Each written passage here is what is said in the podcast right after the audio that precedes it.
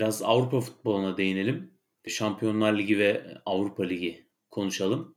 Ardından da Premier Lig'de geçtiğimiz cuma günü futbol kamuoyunu belki de şok eden bir haber geldi. Şandaş kovuldu. Burnley ve Şandaş başlığı altında bu haberi konuşuruz. İlk başta tabii ki herkesin en çok konuştuğu Şampiyonlar Ligi'ndeki en çok konuştuğu eşleşme daha doğrusu eşleşmeden çıkan sonuçla beraber en çok konuştuğu Bayern Münih ve Villarreal eşleşmesiydi.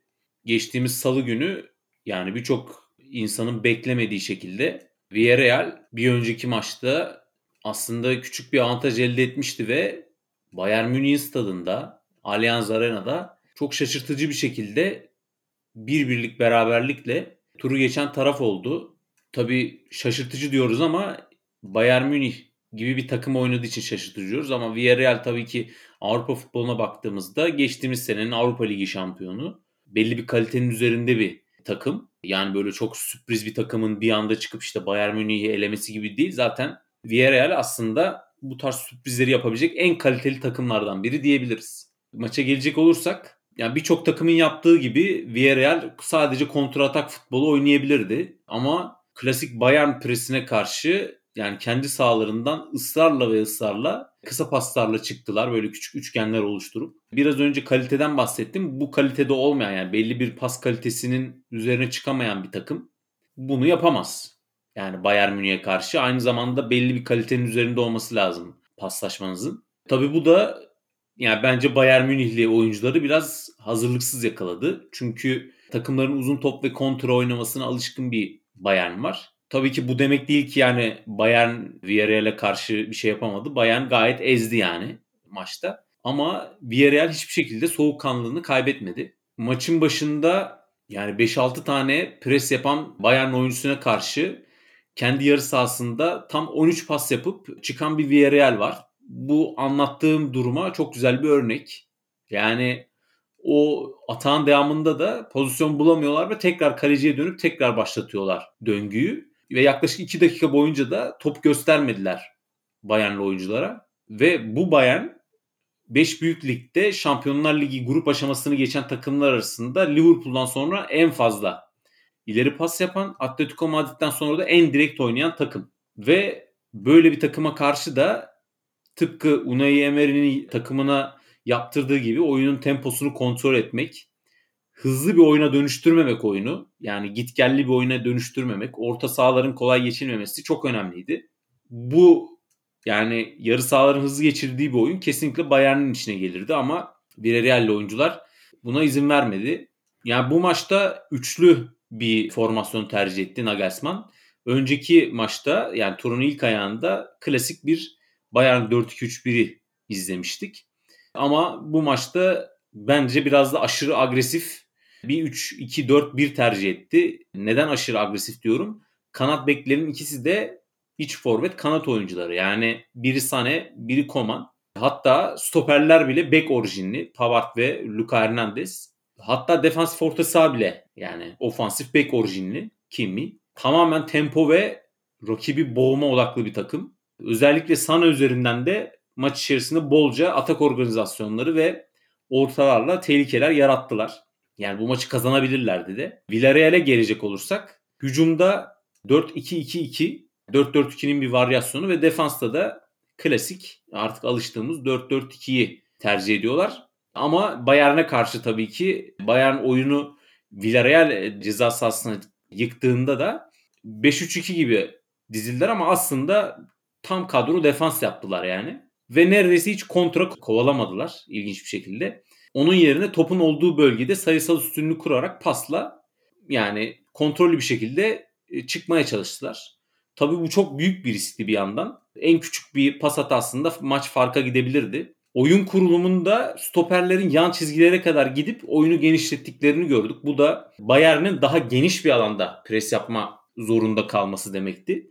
Ve burada pasta çıkarken de Bayern'i üzerlerine çekip sonra uzun vurmak yerine de yerden kısa veya e, yine yerden uzun bir şekilde orta sahada Parejo'yu topla e, buluşturmaya çalıştılar ve bu denemelerden bir tanesi kendi kalelerinde gol oldu. Diğer bir denemede dakika 88'i gösterdiğinde de başarıya ulaştı ve Parejo'nun Lo Celso'ya aktardığı topta Villarreal'in golünü başlatan aksiyon oldu. Bununla birlikte Villarreal Unai Emery ile beraber yani tarihinin en başarılı Avrupa dönemini yaşıyor. Şampiyonlar Ligi'nde yarı finale çıkarak. Maç ve tur özelinde hani ben böyle bir özet geçtim. E, senin de maçla alakalı görüşlerini merak ediyorum. Ya ben maçtan önce biraz Villarreal ve Unai Emery hakkında konuşmak istiyorum. Villarreal başarısı olmayan bir kulüpten Avrupa'nın zirvesine doğru yol alıyor. Yani Villarreal 1923 yılında kurulmuş. Castellon ilinin 50 bin nüfuslu Villarreal ilçesinin bir takımı. Yani 99 yıllık tarihinde geçen sezona kadar herhangi bir kupa kazanamamış. Sürekli orta sıralarda dolanan ama herhangi bir başarısı olmayan bir takımdı Villarreal. Kaderinin değiştiği an ise 23 Temmuz 2020 yılında Villarreal Unai Emery ile teknik direktörlük için 3 yıllık sözleşme imzaladı ki Unai Emery de Sevilla ile 3 kez Avrupa Ligi'ni kazanmış. Arsenal ile UEFA Ligi'nde final oynamış. Paris Saint Germain ile Fransa'da kazanabilecek tüm kupaları kazanmış bir hoca. Villarreal o sezon Avrupa Ligi'nde yer alacağı için Unai Emery getirmek bir kere çok doğru bir hamle. Unai Emery ligde değil Avrupa kupalarında başarılı olan bir hoca. Ve ilk sezonda ligi yine ortalama şekilde 7. bitiriyorlar ama Avrupa kupasında marifetini konuşturuyor Unai Emery. Ve kupayı kazanıyor ki burada da konuştuk. Kupayı kazanırken de eledikleri takımlar arasında Salzburg, Dinamo Kiev, Dinamo Zagreb, Arsenal ki hocanın eski takımı ve finalde de Manchester United vardı. Yani bu sene Avrupa Ligi'ni kazandıktan sonra Kasım ayında Newcastle United onu istedi. Yıllık 7 milyon euro verdiler Unai Emery'e ama Emery Villarreal'de kalmayı ve bu hikayeyi bir nevi devam ettirme tercihinde bulundu. Şampiyonlar Ligi'nde Villarreal tarihinde çeyrek final ötesine gidemezken bu sezon yarı finalin biletini almış oldular. Ki saf dışı bıraktıkları takımlar arasında yani Manchester United, Atalanta, Young Boys grubundan ikinci çıktılar. Ve Juventus ve Bayern Münih'i elediler yani. Burada beni en çok yaralayan kısım yani Villarreal burada başta da bahsettim. 50 bin nüfuslu bir ilçe takımı. Yani öyle ütopik bütçelere sahip bir kulüp kesinlikle değil. Villarreal'in geçen sezon tüm takıma ödediği maaş bütçesi 45 milyon euro. Yani şu an baktığımız zaman bizim dört büyük takımımızın neredeyse hepsi bu bu civarda maaş bütçesi ödemesine rağmen biz bu sezon Galatasaray'ın UEFA'da sonun altı yapmasıyla övünürken neredeyse yani birkaç futbolcusu dışında adını bilmeyeceğimiz bir e, kadroya sahip Villarreal oyuncu bazında ve bütçesi bizim kadar belki bizden daha düşük olan bir Villarreal var. Doğru hoca, doğru yapılanma ve sistem takımı olarak UEFA'da Avrupa Ligi'ni kazandılar ve şu anda Şampiyonlar Ligi'nde yarı finalistler. Bu yani bence örnek alınması gereken bir durum. Yani biraz çok kısa bir şekilde maça değinmek gerekirse de yani Unai Emery bayağı bir master class verdi. Yani Villarreal ikinci ve üçüncü bloklar arasında Kimi iyi abluk altına aldı ki Kimmih'in topla ne kadar az buluşturursanız o kadar iyidir sizin için. Ki buna da Bayern Münih'in de cevabı vardı. Kimmih'i stoperlerin arasına çektiler. Ya da Musiala'yı stoperlerin sağına çekip Pavar'ı ileriye at- atmak istediler zaman zaman. Villarreal ilk maçta olduğu gibi az önce de bahsettiğim Kimmih'e olan baskıları ve buna Nagelsmann'ın cevabı senin de bahsettiğin gibi üçlüye dönmek oldu. Ancak Unai Emery'nin aldığı önlem vardı burada. Oyunu kenarlara yönlendirdiğinde Lo Celso ve e, Kakuel'in beklere destek vermesiydi. Yani bek stoper arasına girmesiyle birlikte zaman zaman beşli zaman zaman da altılı bir hat oluşturmaktı. Yani cidden maçta çok inanılmaz hamleler vardı taktiksel anlamda. Yani her iki hoca da aslında bir nevi taktiksel masterclass verdiler ama burada başarılı olan taraf Unai Emery ve Villarreal oldu diyebilirim. Evet. Tabii Unai Emery ismi çok ön plana çıktı. Özellikle bu maçtan sonra İngiltere basında da. Çünkü İngiltere'de hani kısmen başarısız sayılan bir dönem geçirdi Arsenal'de ki o bölümün aslında iyi incelenmesi gerekiyor. Yani Arsene Wenger gibi bir kulüp efsanesinin ardından gelip yani Wenger'in oyun felsefesinde büyük yer tutan Mesut Özil gibi oyuncuları e, yeni sistemi dışında bırakmak ve özellikle taraftarı buna ikna etmek çok zor. Yani Arsenal'deki ilk sezonuna da kötü başlamamıştı ve yani 22 maç gibi bir galibiyet serisi de yakalamıştı ama son durumda Avrupa Ligi'nde finalde kaybettiler ve ligde 5. sırada bitirdiler sezon. Ve sonraki sezonda yani Unai Emery'nin Arsenal'deki ikinci sezonu için çok olumlu şeyler söyleyemeyiz. Özellikle tabii Mesut Özil'le yani yaşadığı tartışmanın ardından Mesut Özil'in kadronun dışında kalmasının ardından belli bir taraftar kitlesini de karşısına aldı ve Granit Xhaka'yı da kaptan yapması bu kutuplaşmayı biraz alevlendirdi. Ve ondan sonra biraz da yokuş aşağı bir gidiş izledik ama şu anda bence Arteta Unai Emery'nin başlattığı o değişimi devam ettiriyor. Yani mesela bugün izlediğimiz Emil Smith-Rowe, Bukayo Saka Emery zamanında oynamaya başlamıştı. Sen de hatırlarsın ki ve Arteta da bu değişimi ikinci safhaya taşıdı diyebiliriz. Ama özellikle İngiltere'de işte konuşmasıyla, aksanıyla çok dalga geçirdi. İşte özellikle her basın toplantısında good evening, good evening demesiyle e, o B'yi bastırması böyle İngilizlerin çok hoşuna gitti ama yani PSG'de çalışırken Fransızca konuşuyordu. İngiltere'de çalışırken İngilizce konuşuyor. Kendi de ana dili zaten İspanyolca. Yani birçok İngiliz bu kadar çok dil bilmiyor ve kendisiyle dalga geçilmesi bence yani çok da hoş bir durum olmadı. Ve etkilendi de yani. İngiliz basınının bu kendisine karşı bu alaycı tavrından da bence biraz etkilendi Unai Emery. Çünkü kovulmadı yani. Aslında kendisi de istemiş ayrılmayı. Çünkü Arsenal yönetiminin yani Unai Emery'ye hala inandığını gösteren işaretler var. Yani yazılar var. Yani PSG'de aslında Fransa'daki bütün kupaları aldı. Fransa'da alınabilecek bütün kupaları ama orada da e, Şampiyonlar Ligi'nde başarılı olamadığı için yollar ayrıldı.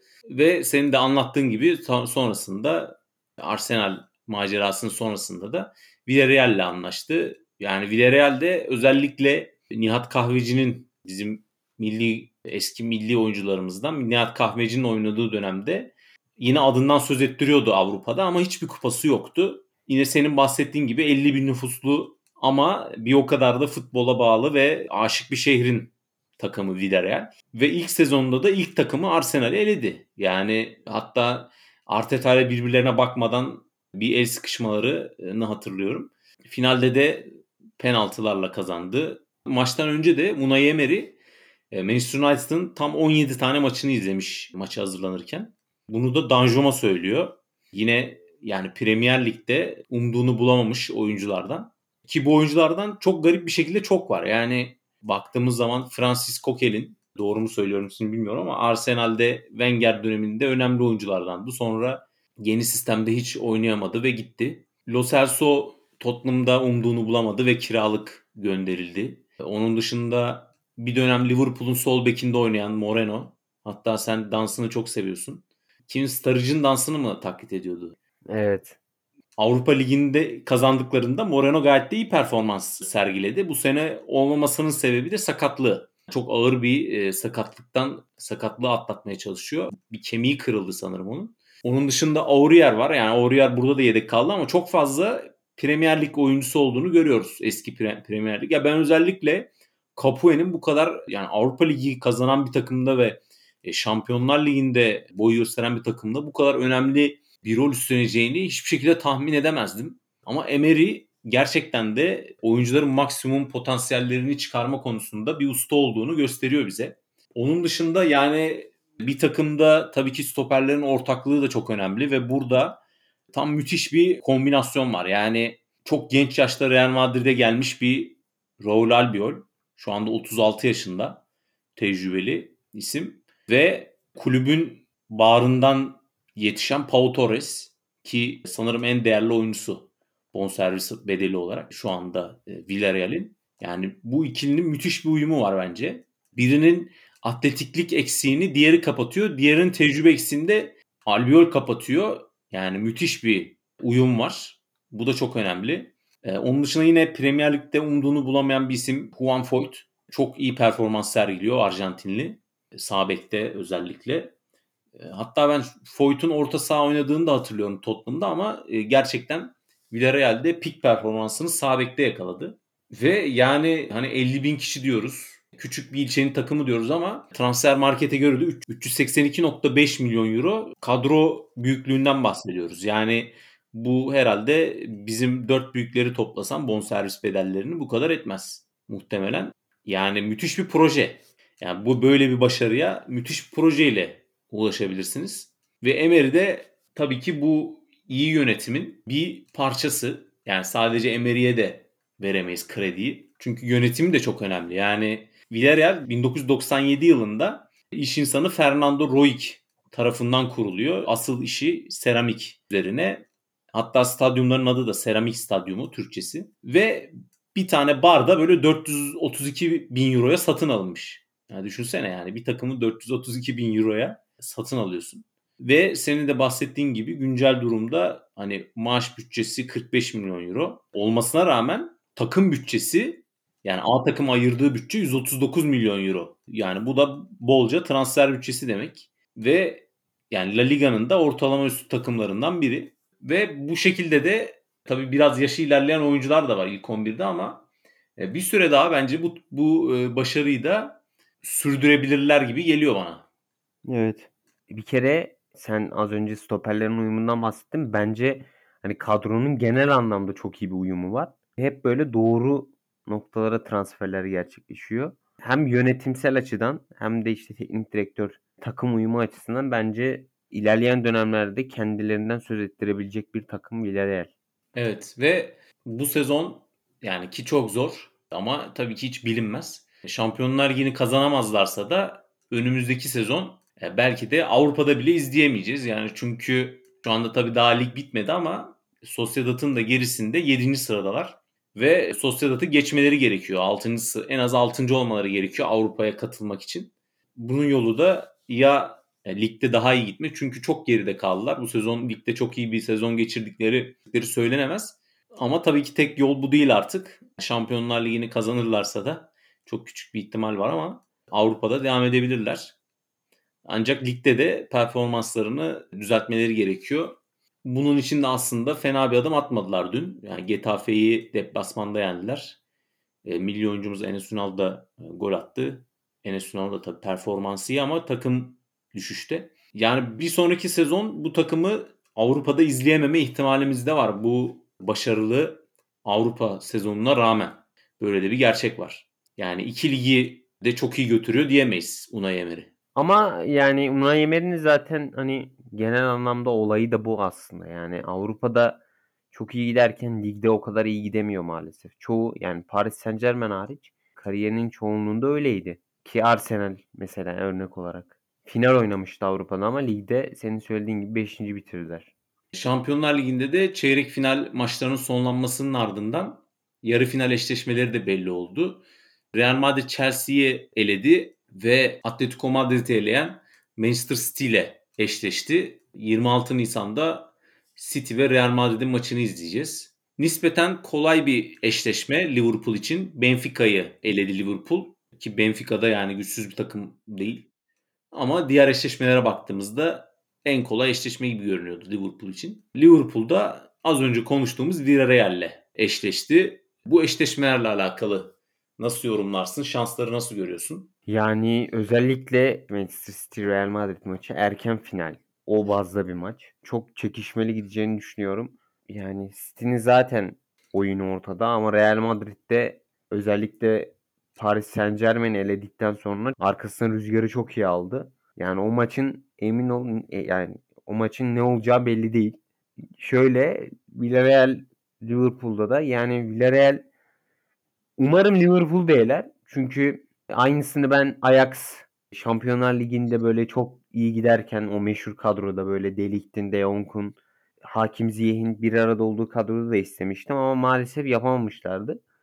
Villarreal umarım Liverpool değiller ve finale çıkar. Ama hani kadro kalitesi büyük olasılık yani Liverpool Villarreal'i eleyecektir diye düşünüyorum ben kadro kalitesiyle. Bunu diyebilirim maçlar hakkında.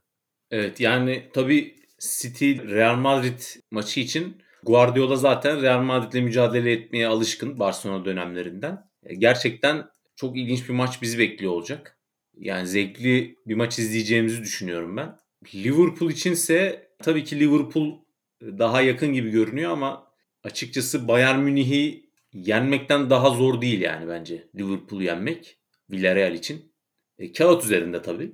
Ama tabii yani en sürprize gebe maç eşleşme iki maç arasında bu maç biraz daha sürprize yakın gibi geliyor bana. Yani City ve Real Madrid maçında kim çıkarsa çıksın çünkü sürpriz olmayacak. İki takım da iyi gidiyor. Hem ligde hem Şampiyonlar Ligi'nde zaten.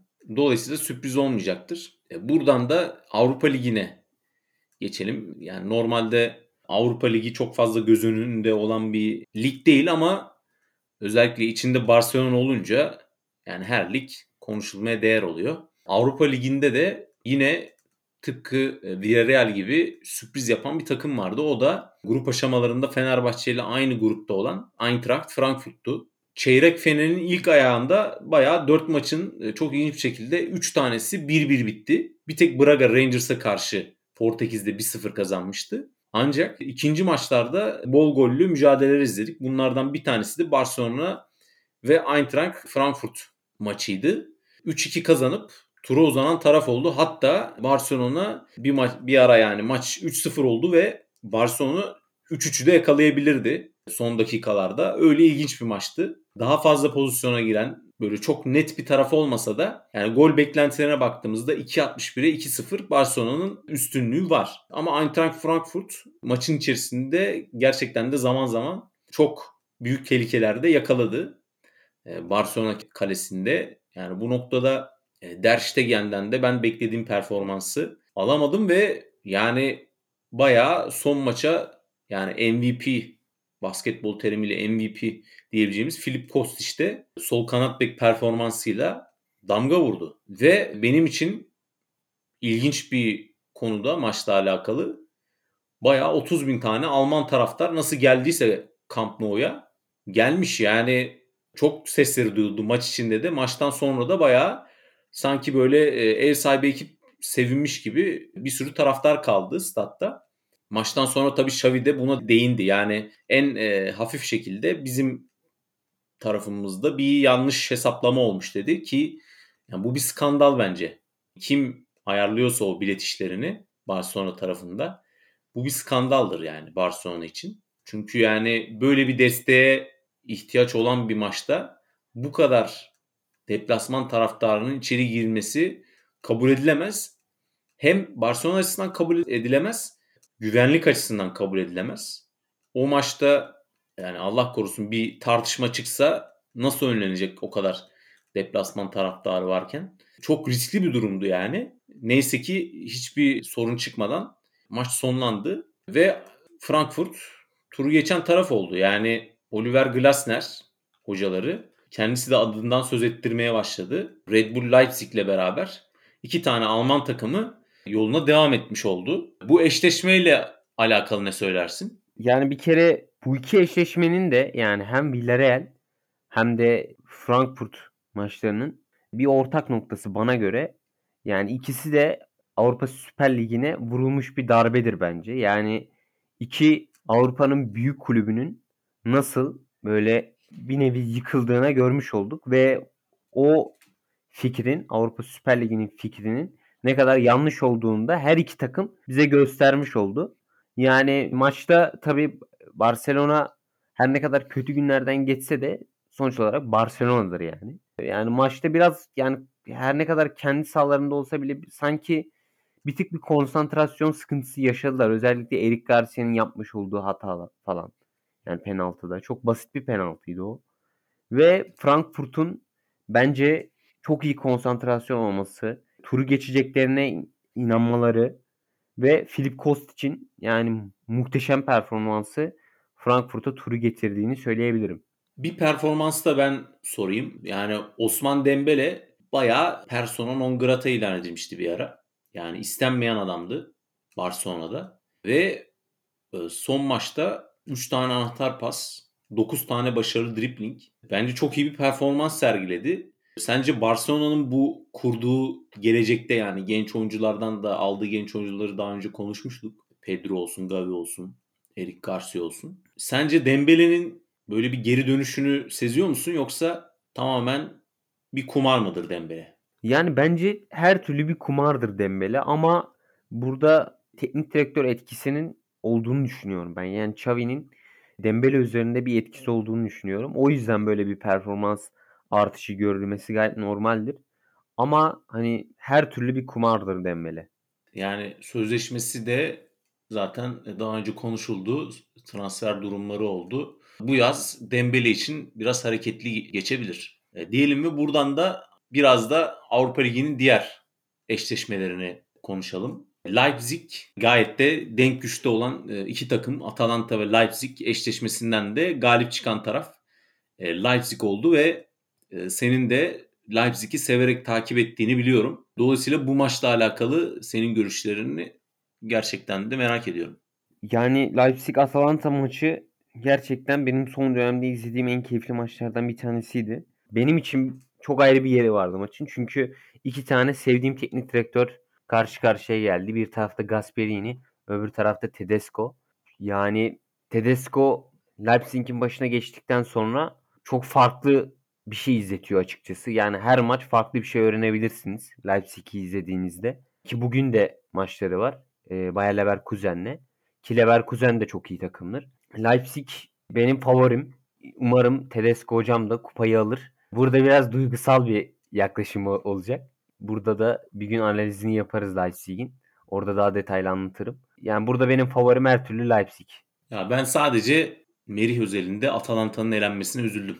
Evet yani o biraz üzücü. Ee, başka bir eşleşmede Rangers Braga eşleşmesiydi ve ilk maçta kazanan taraf Braga'ydı. Bu maçta e, Rangers bayağı bir üstünlükle maçı 3-1 kazandı ve turu geçen taraf oldu. Yani Rangers bu sene ligde biraz üstünlüğünü, e, hegemonyasını kaybetti. Gerrard dönemindeki Celtic'e kaybetti. Ama Avrupa'da dolu dizgin devam ediyor. Giovanni Van Bronckhorst'un yönetiminde. Diğer tarafta da senin de tanıdığın, sevip sevmediğinden çok da emin olamadığın bir isim Carlos Carvalhal. O da yani mütevazi sayılabilecek bir kadroyla gayet de iyi bir aşamaya geldi bence. Yani bugün baktığımızda Galatasaray'ın kadro bütçesinden düşüktür. Yani bir Barcelona'da tutunamayan bir yetenek Aber Ruiz, bir futbol menajer fiyat performans oyuncusu Andre Horta, Castro gibi isimler var. Ama yani hiçbir yıldız isim göremiyoruz yani Braga kadrosuna baktığımızda. Diğer tarafta bu sezon aslında e, geçtiğimiz sezonki şampiyon kadroyu koruyan, üstüne bir de Aaron Ramsey'i ekleyen bir Rangers var. Ama onlar da forvette biraz sıkıntı yaşıyor. Yani Morelos'tan istedikleri performansı alamıyorlar.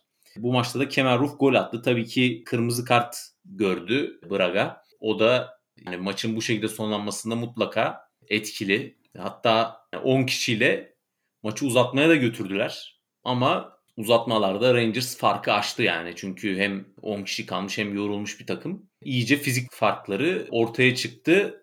Ve tabii ki öne çıkan ve bahsetmezsek belki de futbolu ihanet edeceğimiz bir isim. James Tavernier. Kendisi sağ takım kaptanı ve bu maç iki gol atmayı başardı biri penaltıdan. Yani Tavernier bence her takıma böyle lazım karakter olarak. Benim öyle çok beğendiğim bir Henderson var bir de Tavernier var. Yani kulübe geliş şekli, maliyeti çok düşük bir oyuncu ve kendi kendini inşa etti diyebiliriz. Gerard'ın da katkısı var tabii ki bunda. Ve 30 yaşında hala bu istikrarlı performansını devam ettirmesi, neredeyse her sezon üstüne koyması çok önemli. Yani ligde dediğim gibi hegemonyayı biraz da Celtic'e kaptırsalar da bence iyi bir performans sergilediler Braga'ya karşı ve turu geçmeyi hak ettiler. E, bu eşleşmeyle alakalı bir yorumun olur mu? Rangers senin bahsettiğin gibi de Avrupa'da yoluna devam ediyor kaldığı yerden ki bahsettin James Tavernier. Yani Forvet'te sıkıntı yaşıyorlar ama sıkıntı olacağını zannetmiyorum ben. James Tavernier çıkıp atıyor. Hemen hemen her maç. Evet. O yüzden pek fazla sıkıntı olacağını zannetmiyorum. Ki hani eşleşmede de Leipzig Rangers oldu. Yani sabırsızlıkla beklediğim bir maç benim. Güzel bir maç izleyeceğiz gibi duruyor. Leipzig tabii ağır favori burada yani değil mi? Evet biraz. Ee, West Ham United Lyon'u 3-0 gibi net bir skorla geçti. Yani burada da tabii ki West Ham United patronunu tebrik etmek lazım. West Ham United'ın başına geldiğinde David Moyes West Ham United bayağı küme düşmeye doğru gidiyordu. Ve şu anda yarı finale Avrupa Ligi'nde yarı finale çıkmış bir takım var. Performansı öne çıkan oyuncular var. Jared Bowen gibi. Yeniden doğan Pablo Fornals gibi. Yani çok yedekte kalmıştı daha önceki sezonlarda. Bu maçta Fornals da ön plana çıktı. İki asist yaptı Lyon'a karşı. Onun dışında defansta yani Watford küme düşerken aldıkları Craig Dawson gol attı. Yani kimden ne olacağı hiç belli olmuyor Premier Lig'de gerçekten. Çok ilginç bir oyuncu yani Craig Dawson. Hani şampiyonşip oyuncusu gibi görülürken yani takımını belki de yarı finale çıkaran golü atıyor bu sezon. Devam ediyor ve yani bir oyuncularından da önemli oyuncularından da yoksunlar. Yani Kurt Zuma hem sakatlıklar hem de işte bir kendi kedisini tekmelemesi olay oldu. Ondan sonra bayağı bir tepki çekti. Oynayamadı. Yani Craig Dawson ve Diop da gayet de aynı istikrarda devam ediyor. West Ham'la alakalı yorumun olur mu? West Ham yani çok farklı bir boyut oldu artık West Ham'ın. Yani aynı Villarreal'de olan olay. Yani çok böyle üst düzey oyuncular yok belki ama çok iyi bir kadro uyumu var. O kadro uyumu ile birlikte gelişen çok iyi oyuncular var. Declan Rice, senin evladın niteliğinde olan Jared Bowen gibi. Keza Antonio. Yani bunlar kendi kariyerlerinde hiç böyle üst seviyelere çıkamamış. Yani ortalama performans sergilemiş isimler ama bu kadro uyumuyla gerçekten belli bir seviyeye çıktı hepsi. Burada tamamen yani bir teknik direktör başarısı olduğundan da söyleyebiliriz. Yani David Moyes'un burada bir başarısı var. West Ham hakkında da bunları söyleyebilirim ben. Evet. Ya ben Ball Manager 2018'de, 2019'da, 2020'de her kariyerimde transfer ediyordum Jared Bowen'ı. Hangi takım alırsam alayım. Ama artık tabii kendini gösterdi artık. Bize ihtiyacı kalmadı yani. Jared Bowen'ın artık transfer etmeye geliyor zaten. Bilinen bir oyuncu artık. O da kanatlarını açtı uçuyor. Biz de gururla izliyoruz yani. Ve West Ham United'da Frankfurt'la eşleşti. Ben tıpkı e, City Real Madrid eşleşmesi gibi bu eşleşmeden de kim çıksa şaşırmam yani. Bu eşleşmeyle alakalı neler söylersin? Evet yani birbirine neredeyse iki denk takım. Leipzig Rangers seçmesindeki gibi kağıt üstünde bir takım net favori değil. Burada her iki takımla birbirine eşit neredeyse. Zevkli yani her iki eşleşmede çok zevkli olacağı benziyor. Sabırsızlıkla bekliyorum. Avrupa Ligi'nde de Şampiyonlar Ligi'nden sonra 28 Nisan'da ilk maçlar oynanacak. Hep beraber e, izleyip göreceğiz yani. Özellikle Eintracht Frankfurt ve e, West Ham eşleşmesini ben e, izlemeye çalışacağım. E, Premier Lig'den bahsetmişken biraz da geçtiğimiz Cuma günü e, yolların ayrıldığı açıklanan Şandaş'ı ve bir dönemi konuşalım. Çünkü Şandaş bir dönemi temsil ediyor bence. Yani Premier Lig'in en uzun süre görevde kalan hocası, menajeri kovuldu ve Premier Lig'de bir dönem kapanmış oldu. 2012-2022 yani dile kolay 10 sene ve hala da kümede kalmaya dair umutları vardı Burnley'nin ve şampiyonşipten alıp Premier Lig'e çıkardığı bir takım. Toplamda 6 sezon. Tabii bir önceki hafta Norwich'e 2-0 kaybetmeleri tabii ki bir felaketti yani. Kabul edilemez. O konuda hani ben yönetimde olsam kesinlikle ve kesinlikle bu yani Şandayş'ın geleceğini düşünürüm. Burnley'deki. Yine iddiasız takımı. Çok kritik bir maç. Everton'ı yakalama şansınız var ve 2-0 yeniliyorsunuz. Ve sonra da kovuldu ve şu anda e, U23 takımı menajeri idare ediyor takımı çalıştırıyor. Burnley de tabii ki bir değişimden geçti. Yani 2020'nin Aralık ayında Amerikalı iş insanı Alan Pace tarafından satın alındı. Kendisi zaten aktif bir yönetici. Kulübü içinde yani aktif rol alıyor. Ya bazı İngiltere'de kulüp başkanlarının, kulüp sahiplerinin hiç isimlerini duymayız. Sadece parayla ilgilenirler. Ama Pace yani kulüp işlerinde de e, rol alıyor ve 2021 Eylül ayında da yeni sözleşme imzalamışlardı Şandaş'la. Bu biraz onunla tezat oluşturdu bu kovulma işi. Ve e, özellikle yorumculardan e, Geri Lineker başta olmak üzere çok sert bir dille eleştirildi yani bu karar. Birçok Premier Lig menajeri de çok şaşırdıklarını üzüldüklerini belirtti. Bunların başında Arteta var, Roy Hodgson var, e, Patrick Vieira var. Basın toplantılarında gerçekten de bu kararın onları e, şaşırttığını belirttiler. Yani Burnley'nin kadro yapısına baktığımızda hani ilk 11'de birkaç oyuncu hariç hani kim dersin işte Ben Mee olabilir, Tarkovski olabilir, Nick Pope olabilir. Çok fazla oyuncu gösteremez yani. Dwight McNeil var orta sahada. yani şampiyonşip kalitesinde bir oyuncu. Özellikle yedekler. Yani oyunun kaderini değiştirebilecek çok az oyuncu var. Yedekten mesela Ashley Barnes giriyor yani. Hani Middlesbrough'un forvetine koy oynar mesela. Böyle bir takımı bir Premier Lig takımı olarak e, kabul ettirmek her yiğidin harcı değil. Avrupa Ligi'ne çıkartmak hiç hiç değil. Ve tabii ki Avrupa Ligi'ne de hani Güley oynaya başlamadılar. Hani gruba kalamadılar evet. Yani Olympiakos'a eğlendiler playoff'lar ama ta ikinci önelemeden çıktılar. Yani önce İskoçya Ligi üçüncüsünü elediler o sezon Aberdeen'i. Sonrasında Türkiye Ligi üçüncüsünü elediler. Başakşehir'i Abdullah Avcı yönetimindeki. E, şu anda takımı Trabzonspor'u şampiyonluğu oynatan ve muhtemelen de şampiyon olacak olan Abdullah Avcı'nın Başakşehir'ini elediler. Bayağı İstanbul'da 3 attılar yani. Ama sonra Olympiakos'a elendi. Ama bu kadroyla 7. olmak gerçekten çok çok büyük bir başarı. Bu ayrılık sebeplerinden biri de Şandaş'la alakalı. Tıpkı böyle hani geçtiğimiz dönemlerde başarılı olmuş ama sonra e, o başarılarını aratan işte Jose Mourinho gibi. Yani o tarz menajerlere böyle bir dönem başarı getiren metotların yıllarca vazgeçilmemesi yani bu metotlardan. inat edilmesi o metotlarda. Onları değiştirmemesi, evritmemesi de bu kararda etkili oldu diyebiliriz. Tamamen böyle saçma sapan bir karar olarak görmek çok da mümkün değil bence Şandaş'ın kovulmasını. Birazdan senin de hani fikirlerini alacağım. Ve kadro yapılanmasında da bence çok büyük hatalar e, yapılmış olabilir. Geçtiğimiz sezon Crystal Palace'a yaradı bu durum. Hangi durum? Bu sezon Burnley'de 10 tane oyuncunun sözleşmesi bitiyor. Ve e, kalacaklar mı gidecekler mi hiç kesinleşmiş değil. Bir tek Matej Vidra ve James Tarkowski ayrılacak gibi görünüyor. Konuşuluyor yani basında. Crystal Palace'da da geçtiğimiz sezon benzer bir durum vardı ve ligde gayet de kabul edilebilir bir performans sergilediler. Çünkü oyuncular sözleşme istiyordu. Ama Burnley'de bunu göremedik. Tabii bütün yani çok yani bu kadro yapılanması çok büyük bir sebep de olmayabilir. Çünkü devre arasında en önemli oyuncularından birini kaybettiler. Chris Wood'u. Resmen Newcastle yani Newcastle'ın sahipleri parasıyla Burnley'i kısmen de olsa küme düşürdü diyebiliriz. Yani en önemli oyuncusunu 20 milyon euro servis kalma bedelini aktive edip almak. Yani tamamen strateji yani.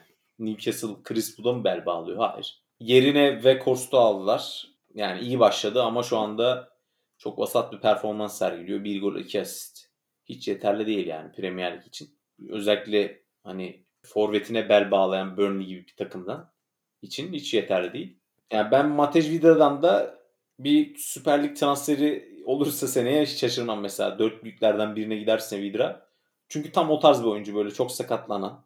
Premier Lig'de yedek kalmış. Tam böyle Türkiye Ligi'ne gidecek. Mesela Aaron Lennon başka bir isim. Kayseri'den geldi. Ya düşünsene. Yani Kayseri'de yedek kalan bir oyuncu yani ilk 11'de çıkıyor. Yani Şandayş'e verilen imkanları anlama açısından bir göstergedir bence. Bilmiyorum sen ne dersin. Aaron Lennon sence ilk 11'de oynayacak kapasitede mi?